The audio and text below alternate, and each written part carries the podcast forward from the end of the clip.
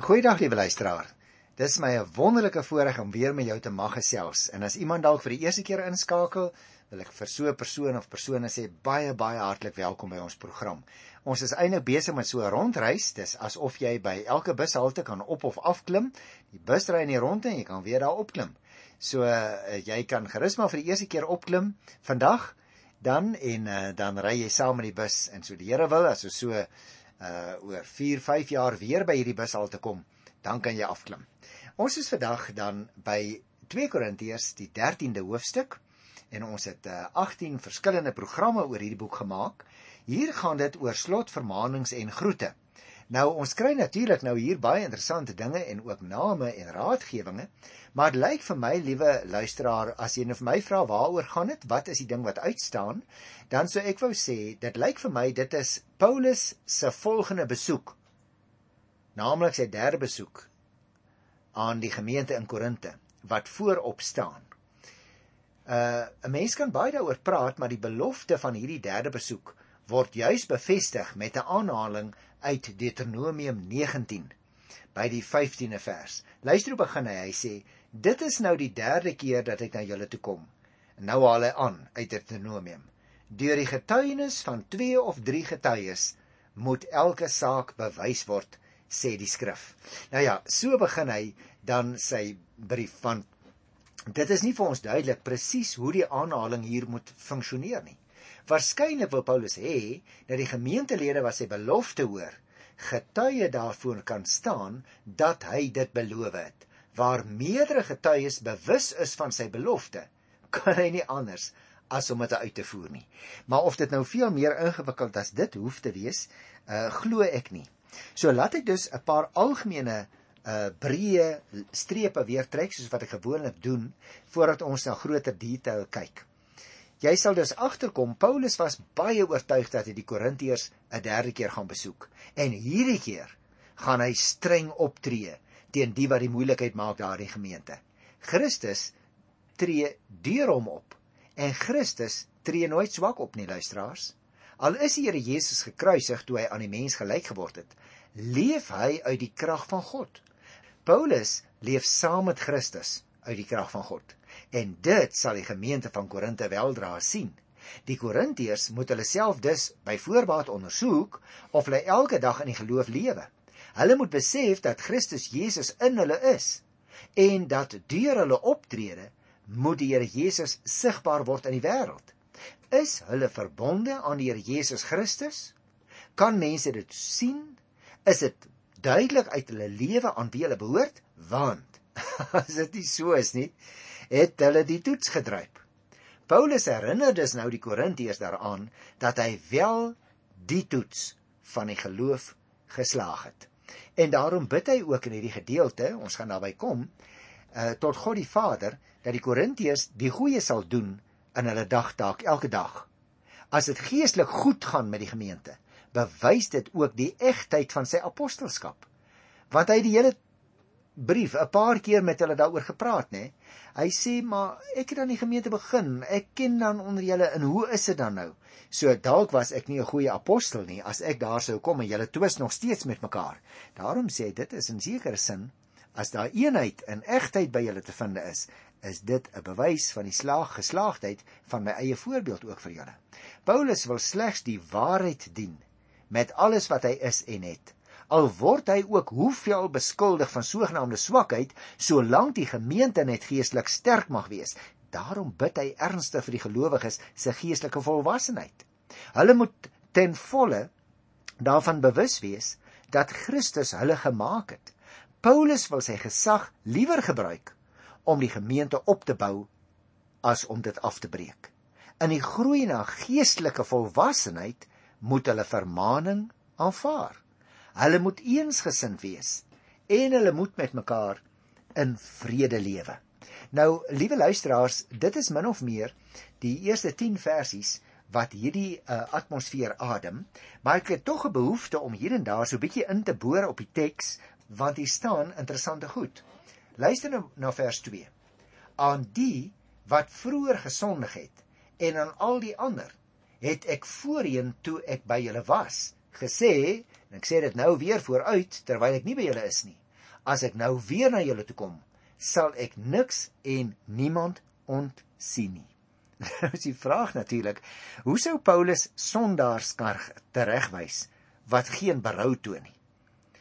Ek sou dink daar sou drie maniere wees. Nommer 1, hy kon hulle konfronteer en hulle gedrag in die openbaar veroordeel. Nee, want dit is nie almal wat gesondig en foute gemaak nie. Daar was net 'n paar wat agter hierdie dwaalleraars aangeloop het. So ek dink die eerste ding wat hy sou kon doen, hy sou hulle kon konfronteer en dan hulle gedrag in die openbaar veroordeel, sodat die ander Christene ook kan sien wat hierdie ouens doen is besig met dwaaling. Mense kan nie so leef as jy Christen is nie. 'n Tweede ding dink ek, hy kon die kerklike tug toepas en hulle voor die kerkleiers laat verskyn. Met ander woorde, hy as die leier apostel uh, in daardie omgewing en die een wat die gemeente ook gestig het, wat dus gesag het onder hulle en respek het onder hulle, hy kon daardie mense daag voor die plaaslike gemeenteleiers. Of ek dink daar was 'n derde moontlikheid wat hy sou kon doen, liewe luisteraars. Hy sou hulle, daardie dwaalleraars kon uitban uit die gemeente. Daarom sê hy: Ek gaan niks en niemand ontsien nie hier in die tweede vers. En dan vers 3 en 4. Julle soek mos 'n bewys dat Christus deur my praat. Hy tree nie swak op teenoor julle nie, maar bewys hy krag onder julle, want al is hy gekruisig in die swakheid van 'n mens, hy leef uit die krag van God en in hom is ons ook swak. Maar saam met hom sal ons uit die krag van God lewe. Dit sal julle sien. Paulus gaan ons met groot verwagting mee. Hy sê die Korintiërs moet hulle self toets of hulle in hulle alledaagse lewe in die geloof lewe. Is hulle besig om Jesus Christus die hulle doen en late sigbaar te maak?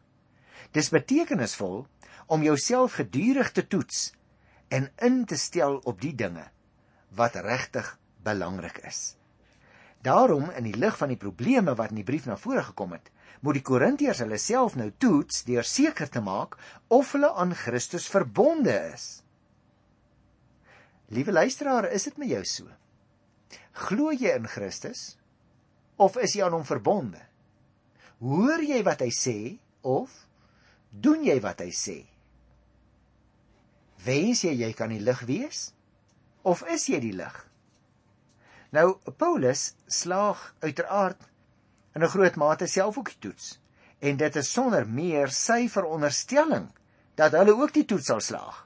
Dit is dus uit hierdie voorveronderstelling dat sy begeerte van hoe hy hulle daar sal aantref vloei. Nou, liewe luisteraar, as 'n mens dus kyk na vers 5 en 6, dan sien jy dit ook duidelik raak. Stel julleself op die proef en ondersoek julleself. Hulle dan nie self dat Christus Jesus in julle is nie? Kyk, mens kry daarby ons het dit ook gedoen hè 1 Korinte 12 waar uh, Paulus ook met hulle gepraat het oor allerlei gawes, maar dat dit die Heilige Gees is wat in hulle is, wat die gawes vir hulle gee. So nie, gaan hy voort hierso, het julle die toets nie deur staan nie. Dan sê hy in vers 6 baie pertinent. Ek hoop dan julle weet dat ons wel die toets deurstaan het. Hy wat nie bekend is as enige iemand wat ooit sy eie basuin blaas nie, sê hier in alle beskeidenheid, ek meen dat ek die toets deurstaan het. Jy sien liewe luisteraar, soos Christus in swakheid gekruisig is, maar in krag uit die dood opgewek is, so is Paulus ook wel in sy swakheid van Christus afhanklik, maar leef juis daarom uit die krag van God. O, is dit nie geestelik waar nie? Wie volhard in die sonde, sal met hierdie krag kennis maak wanneer Paulus teen hulle optree. So ek wonder wat hulle uh, gedink het toe hulle uiteindelik die brief ontvang het. Was hulle bang geweest? Was hulle onseker? Hulle gewonder wat gaan die apostel sê as hy nou uiteindelik hier by ons aankom. Kom ons lees dadelik verder. Vers 7 tot by vers 10. Ons bid God dat julle niks verkeerds doen nie. Dit bid ons nie dat dit as bewys moet dien dat ons die toets deurstaan het nie. Ons wil hê dat julle die goeie doen selfs al sou dit lyk asof ons die toets nie deurstaan het nie. Ons vermag niks teen die waarheid van God nie, maar wel alles vir die waarheid. Ons is dus bly as ons swak is, as julle maar sterk is. Ons bid ook vir julle geestelike volwassenheid. Daarom skryf ek hierdie dinge terwyl ek nog ver van julle af weg is, want wanneer ek kom, wil ek nie met die gesag wat die Here my gegee het streng teen julle optree nie. Met die gesag moet ek opbou, nie afbreek nie. Nou luisteraars, hier kry ons dan ook weer die wonderlike kant van hierdie apostel se hart nie waar nie. Net soos elke ouer wil hê dat sy kind 'n volwasse mens, 'n gebalanseerde mens moet word, wou Paulus graag hê dat die Korintiërs tot volwasse gelowiges moes ontwikkel. Mens kry dit ook in Kolossense 1 byvoorbeeld, Kolossense 1 by vers 28, waar hy ook van die geestelike volwassenheid praat. En so kom dit ook hier na vore. Kom ons dink 'n bietjie aan onsself, aan jou en aan myself. As ons die goeie nuus van die evangelie oordra, moet dit nie net wees omdat ons graag wil sien dat ander mense kerk toe gaan en hulle geloof bely nie, maar ook omdat ons wil hê hulle moet geestelik volwasse word. Het jy daaroor gedink? Want jy sien baie Christusgelowige mense kom tot geloof in Christus, maar hulle groei nooit regtig nie. En dit is 'n probleem. Daarom wil Paulus hê dat hierdie mense geestelik volwasse moet word. Dit beteken jy en ek moet ook geestelik vorder en groei. Ons moet die sonde oorwin. Ons moet meer God se bedoeling met ons lewens sigbaar laat blyk in die praktyk elke dag van ons lewe sien Paulus bid dus, so sê hy, dat God hulle van verkeerde en sondige dade sal bewaar. Dit lyk vir my, 'n mens kan sê, in wese is dit dieselfde gebed wat hy in vers 9 herhaal. Die gebed om hulle geestelike vordering waaroor ek nou net gepraat het. Kom ek sê dit andersom, liewe luisteraar. As die Korintiërs reg lewe, as hulle geestelik gegroei het, as hulle die sonde oorwin het, dan sal hulle nie net met strengheid deur die apostel begroet word wanneer hy daar kom nie, want hy wil hulle graag prys. Hy wil hulle graag aanmoedig. Hy wil nie afdruk nie, hy wil hulle oplig. Mag ek vir jou vra, hoe is dit met jou? Bemoedig jy mekaar geestelik? Moedig jy ander mense aan? Sê jy vir hulle mooi dinge? Of is jy basies daarop ingestel om altyd kritiek te lewer? En dit bring ons dan, liewe luisteraar, by die laaste 4 versies. 2 Korintiërs hoofstuk 13 vers 11 tot 13 hier in hierdie wonderlike boek wat ons gelees het. Ek gaan dit eers vir jou lees en dan gesels ons so 'n bietjie met mekaar daaroor. Paulus skrywe: "Verder broers, wees bly. Streef na geestelike volwassenheid. Aanvaar vermaaning. Wees eensgesind. Hy leef in vrede en die God van liefde en vrede sal by julle wees. Groet mekaar met die soen van Christelike broederskap. Almal wat aan die Here behoort, stuur vir julle groete. Die genade van die Here Jesus Christus en die liefde van God en die gemeenskap van die Heilige Gees sal by julle almal wees. Nou dis 'n interessante paar opmerkingies wat 'n mens in hierdie laaste uh, paar verse kry. En dit is vir ons 'n baie groot belang luisteraars want Paulus se slotopmerkings het jy opgemerk? Is bemoedigend maar is ook vermaanend dit is soos 'n pa wat by die motor staan 'n pa en 'n ma wat hulle terugry nadat hulle by hulle kinders gekuier het vir vakansie en net voordat die ouers in die motor klim dan sê hulle vir hulle kinders en vir hulle kleinkinders nou ja wees sterk ons glo dit sal goed gaan met julle ons glo dat julle voorspoedig sal wees Oppas vir die vangplekke hoor. Met ander woorde, dit is wat Paulus hier doen. Daar is aan die een kant bemoediging, maar aan die ander kant ook 'n stukkie vermaaning. Hy bid sê hy dat die God van liefde en vrede by hulle sal bly. As geloofsgenote groet die afsenders die ontvangers van die brief. Hulle deel dit met mekaar dat hulle broers en susters is wat familie is van die Here. Let op op grond van wat Jesus gedoen het vir hulle. Die finale seëngroet is dan ook in die naam van die Vader, die Seun Jesus Christus en die inwoning van die Heilige Gees. Kom ek lees dit weer. Hy sê die genade van die Here Jesus Christus en die liefde van God en die gemeenskap van die Heilige Gees sal by julle almal wees. Nou as 'n mens daarna kyk, dan sê jy vir jouself, wat is die uh aspekte wat na vore gekom het in die boek 2 Korintiërs. En ek sou 'n paar goed wou uitwys. Byvoorbeeld, liewe luisteraar, dat gelowiges dit is nou jy en ek is wat ons is en het wat ons het op grond van Jesus Christus se dood en opstanding. Deur hom het ons die nuwe lewe gekry. 'n Tweede aspek wat na vore gekom het, verdeeldheid en sedelike losbandigheid rig groot skade aan in die gemeente van die Here. 'n Derde aspek, die huwelik is 'n besondere terrein waar Christene met nougesetheid moet lewe. 'n Vierde aspek was ons is in die wêreld, maar nie lojaal aan die sondige wêreld nie. In die wêreld, maar nie aan die sondige wêreld lojaal nie. Met ander woorde, wat die wêreld betref en die wêreldse dinge, is ons 'n helder lelie. Spierwitte lelie. staan ons uit. 'n Ander aspek wat na vore gekom het in 2 Korintiërs is dat die nagmaal 'n besondere fees is wat met liefde en goeie orde moet plaasvind. 'n Ander is die Here Jesus se opwekking uit die dood maak juis die Christelike lewe die moeite werd om te leef. Jy sien daar was daar was nie regtig sin in jou en my lewe om te lewe as dit nie was vir Jesus Christus se opwekking uit die dood nie. Laaste aspek wat vir my opgeval het in 2 Korintiërs is vrygewigheid spruit voort uit die nuutgebore hart wat die Here verander deur sy gees. En dit is baie belangrik, liewe luisteraars, dat jy en ek as Christene vrygewig sal wees.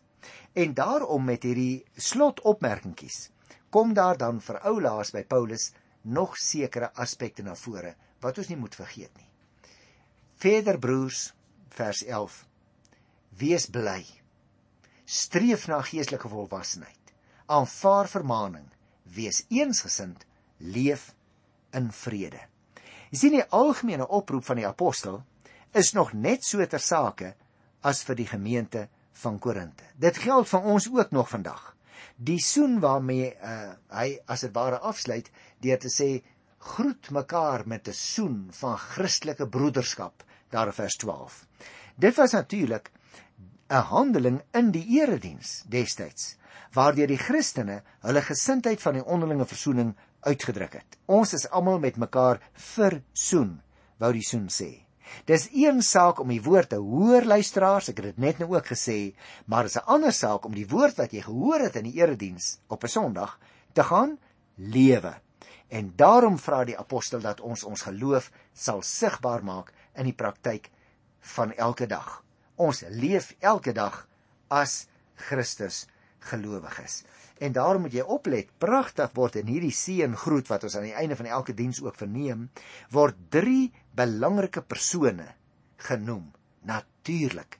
Dit is die drie persone van die goddelike drie-eenheid, die Vader en die Seun en die Heilige Gees. Nou luisteraar, jy weet seker, Hoewel die leer van die drie-eenheid nie as sodanig in die skrif geleer word nie, dui verwysings soos hierdie aan die einde van 2 Korintiërs daarop dat die gelowiges dit toe alreeds so aanvaar het. Met ander woorde, hoewel die woord drie-eenheid nie in die Bybel genoem word nie nêrens nie, het die vroeë Christene reeds daardie begrip gehad dat God wat een God is, hom aan ons openbaar in drie persone. Hoekom sê ek dit? Omdat ons al drie die goddelike persone byvoorbeeld hier vermeld sien teen die einde van Paulus se brief. Miskien 'n laaste opmerking oor die 13de vers, want uh, die probleem waarmee Paulus in die Korintiese situasie te doen gehad het, sal jy onthou, was nie 'n een eenmalige gebeurtenis nie, maar iets wat voortdurend onder gelowiges voorkom die afgelope 2000 jaar al. Hy kon waarskynlik geweier het om met hulle te kommunikeer voor hulle die probleme oplos. Maar hy het hulle so liefgehad en met die liefde van die Here Jesus Christus na hulle toe uitgereik al was dit by wyse van briefwisseling. Jy sien, luisteraar, liefde beteken egter ook in die praktyk dat ons soms bereid moet wees om die mense wat ons liefhet streng aan te spreek. Dit is juis 'n teken van ons liefde vir hulle. Waar mense besig is om hulle lewens deur sonde te verwoes byvoorbeeld, moet jy en ek met gesag optree, maar ook opreg oor hulle besorg wees. Ons moet dan ook ons woorde toedraai in liefde. Want jy sien dit is maklik om so iemand op die verkeerde manier te benader. En daardeur bereik ons natuurlik niks nie. behalwe om die verhoudings net al verder af te breek. Ons kan van 'n wettiese standpunt uitgaan byvoorbeeld en die riglyne wat die mense moet gehoorsaam probeer afdwing. Dit gaan nie werk nie. Of ons kan die rug op hulle keer omdat hulle nie kans sien, miskien uit eie belang, om iets aan die situasie te doen nie. Ek dink nie dis wat die Here van ons verwag nie, om ons rug op hulle te keer nie. Ons kan hulle byvoorbeeld ook isoleer deur oor hulle te begin skinder en ander mense teenoor hulle vyandig gesind te maak. Nou broer en suster, dit is 'n baie laakbare manier, maar dit is ongelukkig waar dit dikwels gebeur. Dat ons iemand isoleer deur hom of haar te beskinder. Jy moet gaan kyk in die Ou Testament in die boek Jeremia.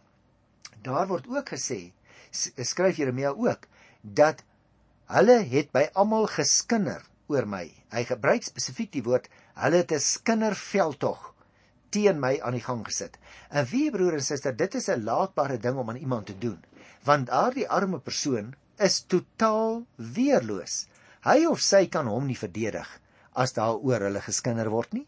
En daarom moet jy en ek bedag wees daarop dat ons nie mense isoleer deur deel te neem aan gesprekke wat kindersessies is teenoor daai persone nie want dit gaan hulle al meer isoleer. Dit is dus die regte gesindheid en benadering as ons omgee nommer 1 om liefde as mense teenoor hulle wat ook mense is te betoon.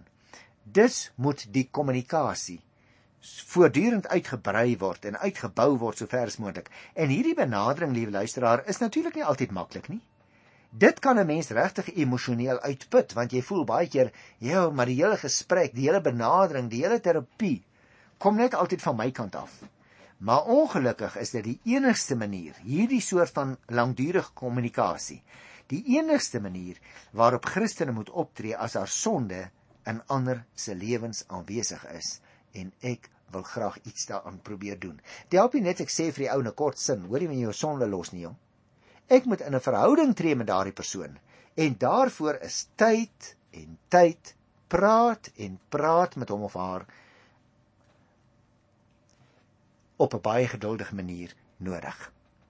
En daarom wil ek dan afsluit aan die einde van 2 Korintiërs om ook vir jou te vra. Is daar nie met iemand met wie jy dalk moet gaan gesels op 'n liefdevolle manier?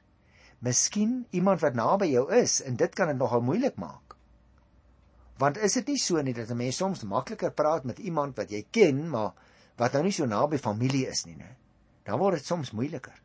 Maar dat jy en ek na iemand toe moet gaan, ons woorde in groot liefde toedraai ter wille van die eer van die Here, want dit is waaroor die Here glimlag. As ons gebroke verhoudinge uh weer herstel. So liewe luisteraar, hierdie gedeelte roep dus vir jou en vir my ook op dat ons daarmee sal besig wees. Die laaste aspek wat ek dus wil noem vir vandag is hierdie pragtige Christelike groet waaroor ons reeds met mekaar gepraat het. Wie wat? Aan die einde van die erediens wanneer die seën uitgespreek word oor ons voordat ons die nuwe week en die nuwe stukkie lewenspad instap, dan word daar deur die liturg wat sy of haar hande oor ons uitgestrek hou, die vrede van die Here vir ons toegesê. En nou moet jy oplet, dit is nie net 'n ligte wens nie. Dit is 'n toesegging in die naam van die Here deur die liturg. Luister weer na Paulus hier by vers 13. Die genade van die Here Jesus Christus en die liefde van God en die gemeenskap van die Heilige Gees sal by julle wees. Het jy opgelet? Dit is nie 'n wens nie. Dis 'n toesegging. En daarom wil ek as dienskneg van die Here ook vandag vir jou oor die eter, oor die lug. Ek weet nie waar jy is nie. Ek ken nie jou omstandighede nie. Ek weet nie of jy siek is nie. Ek weet nie of jy dalk net 'n motor ry nie. Wil ek graag vir jou in die naam van die Here hierdie seën gee. Wil vir jou sê vat dit as dit as dit ware met die arms van die geloof. Maak jou hande wyd oop, want nou gaan ek vir jou in die naam van die Here hier aan die einde van 2 Korintiërs die seën van die Here toesê. Ontvang dit dan liewe luisteraar, die genade van die Here Jesus Christus en die liefde van God en die gemeenskap van die Heilige Gees is met jou. Ek groet jou in die wonderlike naam van die Here Jesus Christus, die prins van alle vrede. Tot volgende keer. Totsiens.